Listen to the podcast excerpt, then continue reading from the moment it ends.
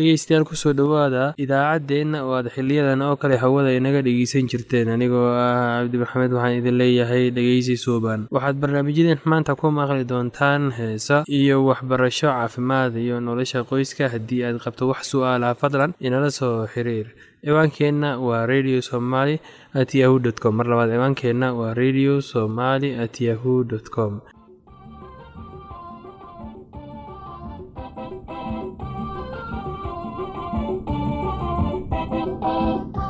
dhegeystayaashiina qiimaha iyo qadarintu mudan oo waxaad ku soo dhowaataan barnaamijkeenii taxanaha ahaa eeaynu kaga hadlaynay la noolaanta dadka qaba aidiska mowduuciina maanta wuxuu ku saabsan yahay muhiimadda qoyska. Qoysyadu muhiimad weyn bay u leeyihiin dadka qaba h i v-ga ama aidiska guriga qoysku wuxuu ahaan karaa hoy meel dadka ku nasan karo iyagoo aaminsan in la jecel yahay lana ogol yahay meel geesi inay ahaadaan ama ay qariyaan dareenkooda. Haddii qofka qoyskaaga ka mid ah uu qabo h i v ama idis siyaabo badan ayaad ugu gargaari kartaa. Waxaad ugu gargaari kartaa inay nastaan adigoo u fulinaya shaqadooda guriga. Waxaad ugu gargaari kartaa adigoo siinaya cunto nafaqo leh uguna soo adeegaya suuqa una karinaya. Waxaad ugu gargaari kartaa inaad ka baabi'iso cabsidooda adigoo u muujinaya kalgacayl. Haddii h i v ama idisku aada qabto waxaa wanaagsan in qoyskaagu ogyahay waayo waxay ku siin karaan kalgacayl iyo taageero. Mustaqbalkaaga ayaad qorshe u sameyn kartaa waxay kula qaybsan karaan culayska ka haysta dhanka dhaqaalaha aada bay kuugu fududaan doontaa haddaadan qarin marxaladaada haddii qof ka mid ah qoyskaaga uu qabo aidis waxaad kartaa inaad raashin iyo biyo u soo qaadid inaad dharka iyo go-yada ka dhaqdo iyo inaad karkaarisid. Xasuuso haddaad qabtid h i v ama idis waxaad adeegsan kartaa aqoontaada oo aad oo dadka kale ayaad ugu gargaari kartaa waxaa qoyskaaga bari kartaa siduu u faafo idiska waxaad ugu gargaari kartaa siday ugu digtoonaan lahaayeen h i v-ga tani waa gacan ka geysashada ugu kalgacayl weyn oo aada sameyn karto. Marmarka qaarkood markuu nin uu ogaado in afadiisu ay qabto h i v ama idis wuxuu ka fogeeyaa guriga ay ku wada nool yihiin marmarka qaarkood naagta ayaa ninkeeda hadduu qabo h i v ama idis ka fogeysaa amase ka tagta kala tegiddu waxay sababi kartaa mushkilado kala duwan. Shaki kuma jiro in caruurtoodu ay dhibaatoobayaan. Caruurta waxay weligood waxay waalidkood ugu baahan yihiin kalgacayl iyo hogaamin kala tegidoodu waxay sababi kartaa inuu h i v faafo tusaale ahaan ninka naagta qaba wuxuu qabi karaa h i v laakiinse wuxuu raboon karaa inuu guursado naag kale. Naagta cusub ee uu guursado waxa ay ka qaadi kartaa ninkeeda h i v-ga. Waxaa wanaagsan inaysan kala tegin ninka iyo naagtis qaba h i v awgii ee ay mustaqbalkooda ku dadaalaan siday nolol wanaagsan u sameyn lahaayeen mararka qaarkood qoysku wuxuu ku murmaa sababta u keentay h i v-ga. Arrintani waxay abuuri kartaa calool xumo weyn waxayna qoyska u keeni kartaa qorshe mustaqbalka ay u sameyn kari lahaayeen oo adkaada. Waxay adeyg uga dhigi kartaa inay ku noolaadaan xaqiiqada. Xasuuso dadka qaba h i v ama idis waxay u baahan yihiin macaamiil dhaqaatiireed si ay fiicnaan u dareemaan cimrigooduna uu u dheeraado ragga xaaska leh ama qaraabo kale oo magaalada ku harsan waxay weli taageero siin karaan xubin qoyska ka mid ah oo tuulada u laabaneysa waxayna u tegi karaan booqasho. Haddii naag la qabo ay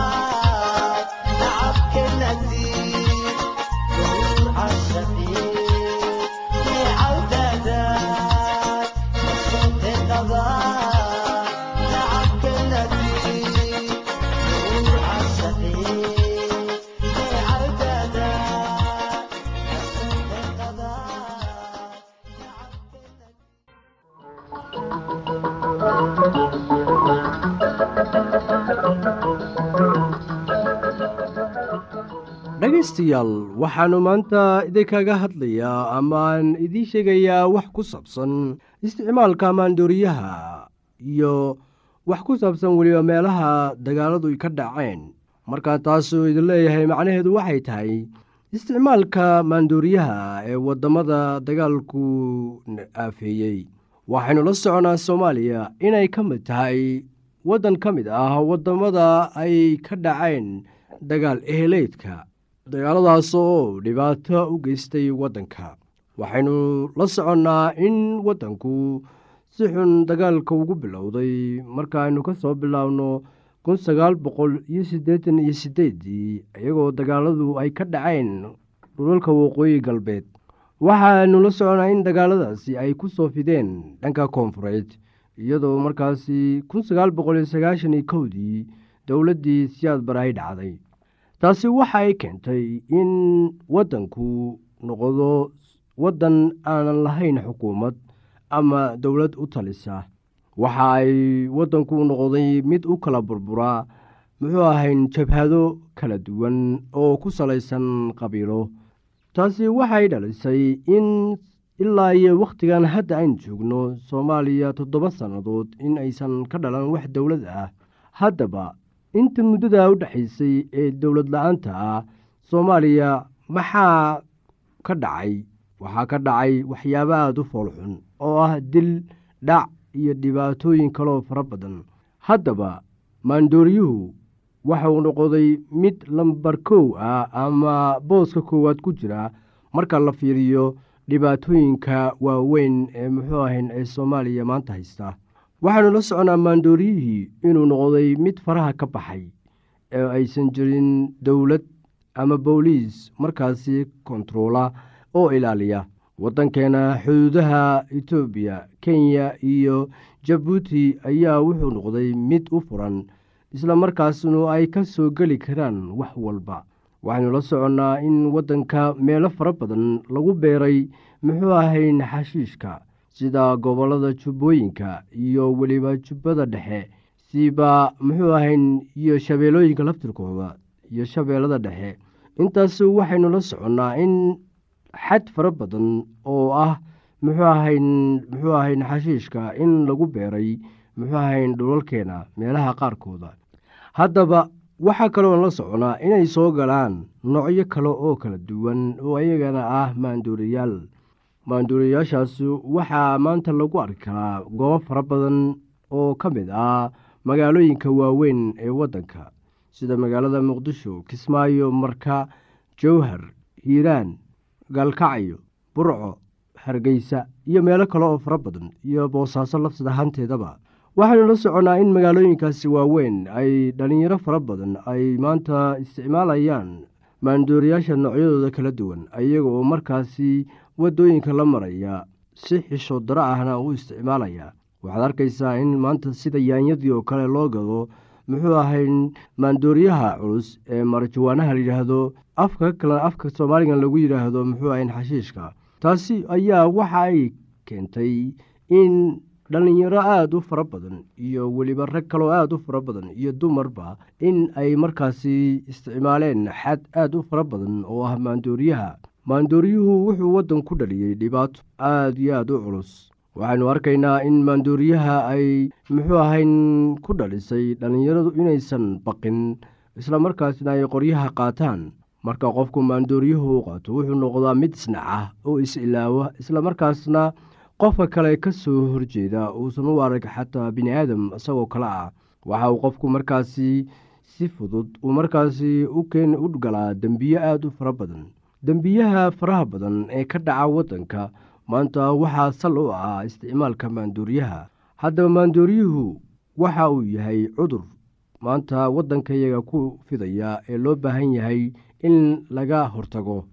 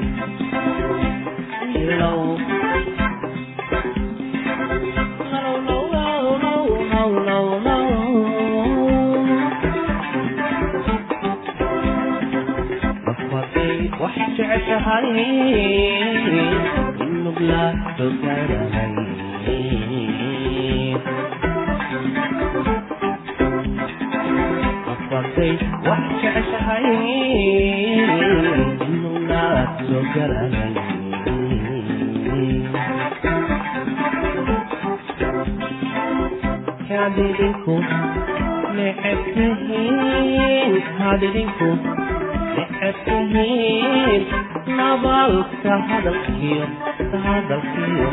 masoomamarisananabaalka hadalkiyo hadalkiyo masooma marisan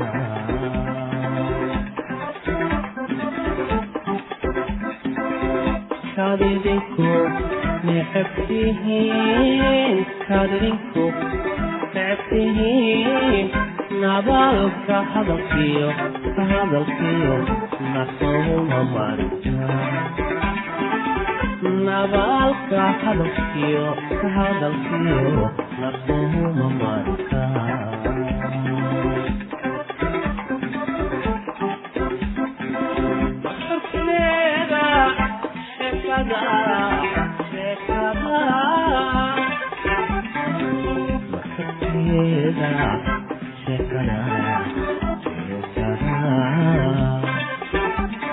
anigood dadkuwa qabil naxariis dadku hay anigood dadku qabil naxariis waxba ku hay naawilada weenayeed naawilada weenayeed dib haygu soo noqon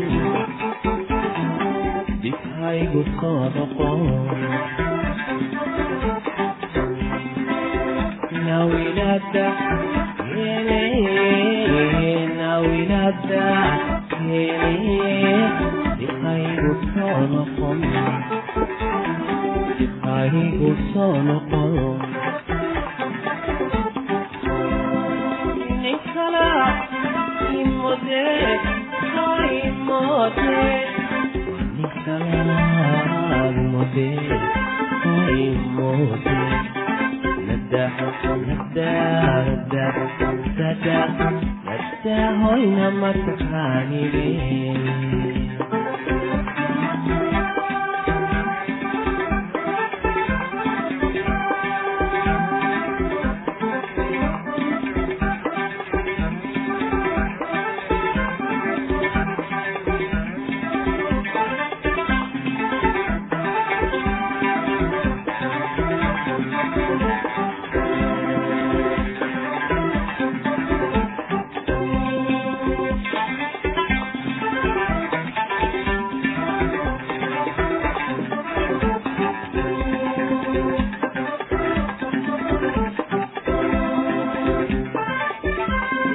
low, low, low, low, low, low, low, low.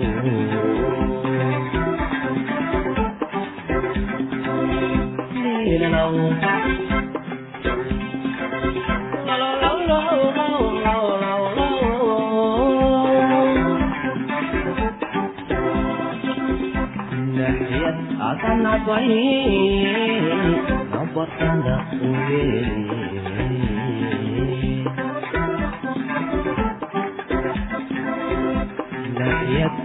nabay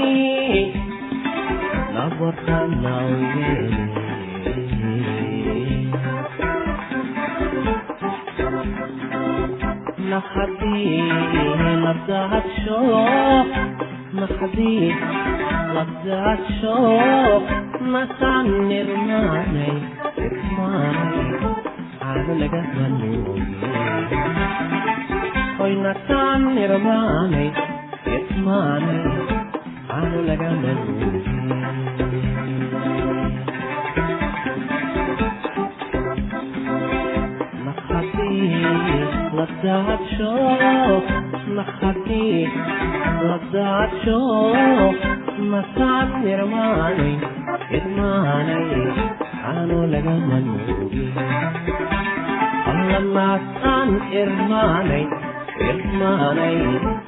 waxaan laga maluubay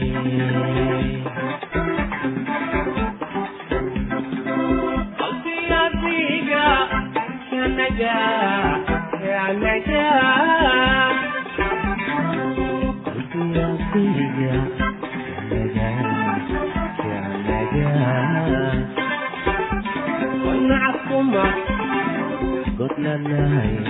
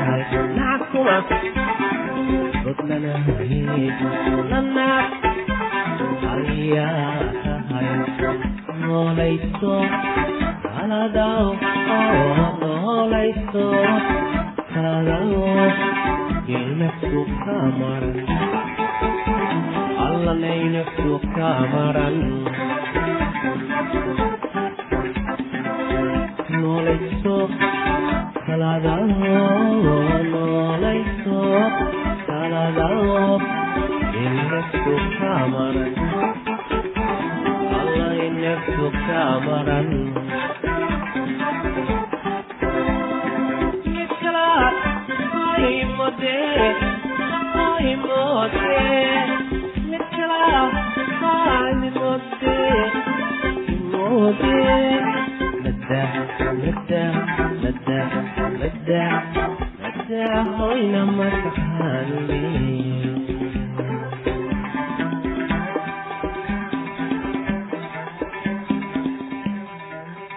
haddii aad qabto wax su'aalaha fadlan inala soo xiriir ciwaankeenna waa radio somaly at yahu t com. Mar labaad ciwaankeenna waa radio somaly at yahu dt com. Barnaamijyadeena maanta waa naga intaas